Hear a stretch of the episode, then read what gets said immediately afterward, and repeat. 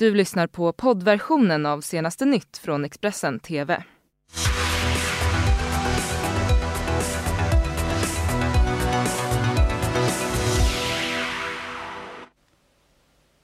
God morgon, välkomna hit till senaste nytt eh, i Expressen TV. Det är söndag och det här är våra rubriker. Två till sjukhus efter allvarlig krock. Ena föraren misstänks ha smitit från platsen. Bränderna fortsätter rasa i Kalifornien. Flera invånare har tvingats lämna sina hem i Santa Pola. Och Djurgården firade sitt tolfte SM-guld i Stockholm i natt efter den dramatiska allsvenska avslutningen. Men vi ska börja med att två personer förts till sjukhus efter en smitningsolycka i, eh, eh på riksväg 40 i höjd med Borås i riktning mot Jönköping under natten. Det ska vi prata om nu med Tommy Libeck på Räddningstjänsten. Välkommen till sändningen Tommy. Och till att börja med kan du berätta vad som har hänt. Ja, vi fick larm om en eh, trafikolycka med två personbilar. Eh, när styrkan kommer till platsen så är det en bil som ligger på taket i diket och en annan bil som eh, ligger en bit ner i diket då, på alla fyra hjul. Eh, två personer var i tillhörande den ena bilen och i den andra bilen så den som låg på taket den var tom då. Och det vi gjorde på platsen det var att vi klippte upp B-stolpen på, på en bil för att få ut en eh, person ur bilen där på ett säkert och bra sätt till sjukvården där. Mm. Hur ser det ut på eh, platsen eh, nu? Ja, nu är ju detta några timmar sedan. Det var ju vid eh, 03.24 om jag inte minns fel som larmet kom in där. Så att eh, vi har ju ställt upp på olycksplatsen och eh, sopat bort bildelar och spolat av vägbanan där så att eh, det ska väl se bra ut. Men sen vet jag att polisen var kvar en stund där och inväntade bärgare också på platsen efter att vi hade lämnat då. Mm. Tack för att du var med oss eh, Tommy Libeck eh, på Räddningstjänsten alltså med anledning av den här olyckan. Och eh, det rör sig som sagt om en misstänkt smitningsolycka. Polisen utreder händelsen som grov vårdslöshet i trafik. Båda bilarna ska också ha omhändertagits av polisen. Yes, tack så mycket. Bra, hej. Och med det så går vi vidare i sändningen. Vi går utrikes. Bränderna fortsätter nämligen att rasa i Kalifornien. Men nu så ska de flesta av de 14 bränder som rasade i delstaten till stora delar eh, ändå vara under kontroll. Under gårdagen fick dessutom många som evakuerats återvända till det som eh, fanns kvar av deras hem. Samtidigt så har den senaste i raden bränder, Maria Fire, tvingat invånare i Santa Pola på flykt.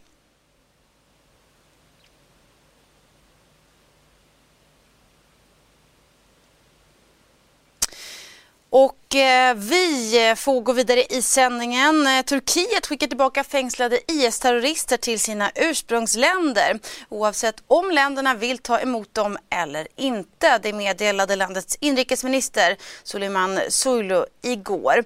I samband med Turkiets offensiv i nordöstra Syrien så greps ju flera IS-terrorister som tidigare hållits i förvar av det, turkiska, eller av det kurdiska styret i regionen ska jag säga. Och nu så meddelar alltså Turkiets regering att man tänker skicka tillbaka utländska jihadister till deras respektive hemländer. Och för Sveriges del så handlar det om eh, mellan 10 och 15 IS-krigare som ska vara kända av den svenska underrättelsetjänsten sedan tidigare. Det säger terrorforskaren Magnus Ranstorp.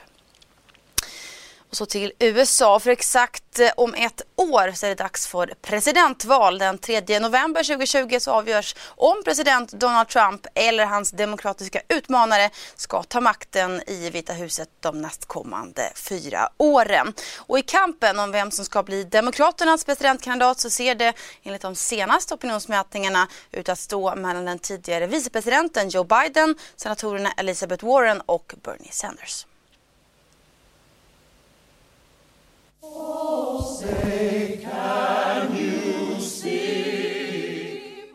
And I will beat him like a drum if I'm your nominee. And he knows it. Joe Bidens nära band med Barack Obama och tidigare toppositioner gör honom välkänd för väljarna. Men det gör honom också till en enkel måltavla både för andra demokrater och för Donald Trump. Han kritiseras för sina band till Hillary Clinton och det så kallade etablissemanget inom Demokraterna. But I can tell you that Joe Biden was a disaster. Biden sätter sjukvården på toppen av sin agenda och har sagt att sjukvård är personligt för honom. Han pratar också mycket om att försvara USAs roll som en global ledare i världen. Elizabeth Warren har medvind i opinionen. Hon har suttit i senaten sedan 2013 och är en högljudd anti-Trump-profil. Warren kommer från Demokraternas vänsterflygel och vill genomföra radikala förändringar i det amerikanska samhället. Från allmän sjukförsäkring till gratis högskoleutbildning. It's all fully paid for by asking the top 1% and giant corporations to pay a fair share. Hon kämpar delvis om samma väljare som Bernie Sanders men till skillnad från honom har hon inte kallat sig socialist i större delen av sitt liv. Fram till 1996 var hon faktiskt en registrerad republikan. Bernie Sanders är också ett välkänt ansikte i det demokratiska partiet. Han utmanade Hillary Clinton fram till slutstriden i förra presidentvalet. Hans tidigare radikala hjärtefrågor med allmän sjukvård och gratis högskoleutbildning har nu omfamnats av flera demokrater. We are going to defeat the worst president in the history of this country. Men racet om att utmana Donald Trump i presidentvalet 2020 är långt ifrån klart. Andra toppkandidater inom Demokraterna är Kamala Harris, Pete Buttigieg, Tom Steyer, Andrew Young, Cory Booker och Amy Klobuchar. God bless America! Mm, vi håller oss kvar i den amerikanska politikens värld. För under kampanjen inför det amerikanska presidentvalet 2016 så försökte Donald Trump och hans stab komma över motståndaren Hillary Clintons mejl som ryska hackare stulit och som sen hamnat hos Wikileaks. Det visar handlingar från Robert Muellers eh, stora Rysslandsutredning som CNN tagit del av. Trump ska uttryckligen ha sagt att han ville ha de här mejlen och Michael Flynn som ju var Trumps Trumps första nationella säkerhetsrådgivare, han erbjöd sig att försöka utnyttja sina kontakter för att komma över dem. Flynn ansågs vara den i staben som hade bäst kontakter med Ryssland och även flera andra i kretsen runt Trump, bland annat hans son och hans svärson ska också ha varit angelägna om att få tag på de här mejlen. Och med det ska det handla om någonting helt annat. Det blev ju till slut Djurgården som säkrade sitt tolfte SM-guld mot IFK Norrköping igår efter stor dramatik. Och det vilda firandet, ja det fortsatte långt in på småtimmarna i Stockholm.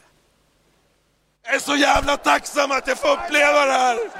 Det är liksom helt fantastiskt! Efter ett vilt guldfirande på innerplan på Östgötaporten fortsatte Djurgården ge utlopp för sina segerkänslor under en bussresa från Norrköping till Stockholm. Jag ska bränna upp hela jävla Stockholm. Hela jävla Friends Arena och Årsta IP också. Där fortsatte festen och det var tydligt att guldeuforin inte lagt sig.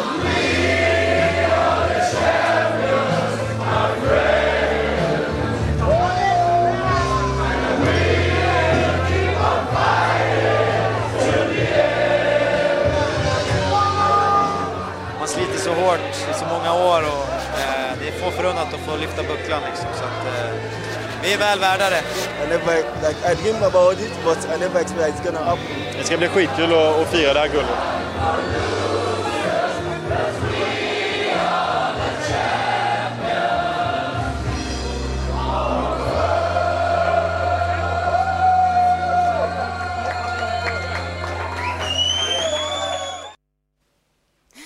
Ja, Djurgården är alltså svenska mästare efter en riktig rysare borta mot Norrköping. Sportchefen Bosse Andersson som ni såg där lig, äh, skymta förbi i det här klippet. Han var ju överlycklig efter den här segern naturligtvis. Efteråt så var han i tårar när han mötte Expressens team. Så jävla tacksam att få uppleva det! Du, du eh, brast ut i tårar där när ni gjorde 2-2 på, på läktaren. Beskriv känslan under matchen. Nej, men Tänk den jävla bryggan vi är i där inne i halvtid med 2-0. Och jag trodde aldrig att vi har kämpat en hel jävla säsong. Jag är så jävla tacksam att jag får uppleva det här. Det är liksom helt fantastiskt. Ja, vad, vad säger du annars om eh, ja, hela killarnas insats? Nej, men jag, jag älskar de här killarna. De är så jävla coola, de är så jävla bra. Vi är inte det bästa laget, det har jag sagt till dem. Men vi har gjort, vi har gjort det. Vi har tagit pokalen. Och jag trodde aldrig jag skulle få uppleva det här igen. Va, vad betyder det för dig personligen? Ja, för mig betyder det allt. Det handlar om att vinna pokaler. Och jag trodde aldrig jag skulle få uppleva det faktiskt. Aldrig! Tack Bosse.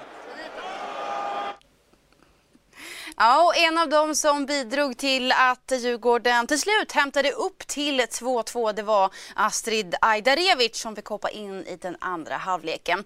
Efter slutsignal så passade mittfältaren på att håna konkurrenten Hammarby. Fantastiskt. Eh, jag är lyckligt lottad att fått vinna två raka eh, inhemska guld. Först i Grekland och nu det här. Fantastiskt lag. Fantastisk mentalitet. Du sa ju det här direkt när du kom att du skulle hit och vinna SM-guld och så gjorde du det i första året. Ja, jag brukar ha rätt. Vad är det som har gjort att ni har fått ihop det så bra då? Många pratar om den här lagsammanhållningen. Eh, ja, det är som du säger, vi är ett starkt lag. Eh, många individuella spelare som har eh, presterat fantastiskt bra den här säsongen. Vi har fått in en vinnarmentalitet. Så att det är väl det. Och du kommer in och vänder på matchen eh, på mittfältet. Vad, vad tänker du kring det? Nej, jag, jag försöker bara göra mitt jobb. Eh, jag var besviken att jag inte startade. Men eh, jag visste att det här var en, en match som betyder väldigt mycket så att det är bara att gå in och, och göra sitt bästa. Vad tänkte du när det stod, låg under med 2-0? Att vi skulle vända. Och det finns inget annat i mitt huvud och vi lyckades göra det. Du, vad, vad, vad, säger du? Det var inte så många som trodde på er från början här. Vad, vad är det som har gjort att ni liksom har fått ihop det? Nej, det, som jag sa, vi, det är ingen som trodde på oss.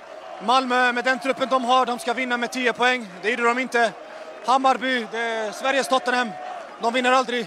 Så att eh, vi är nöjda. Ja, och från eh, guldfirandet och de eh, glada killarna i Djurgården så ska vi nu kika på koldioxidhalterna i atmosfären som vi publicerar dagligen här på Expressen som en del i vår klimatbevakning.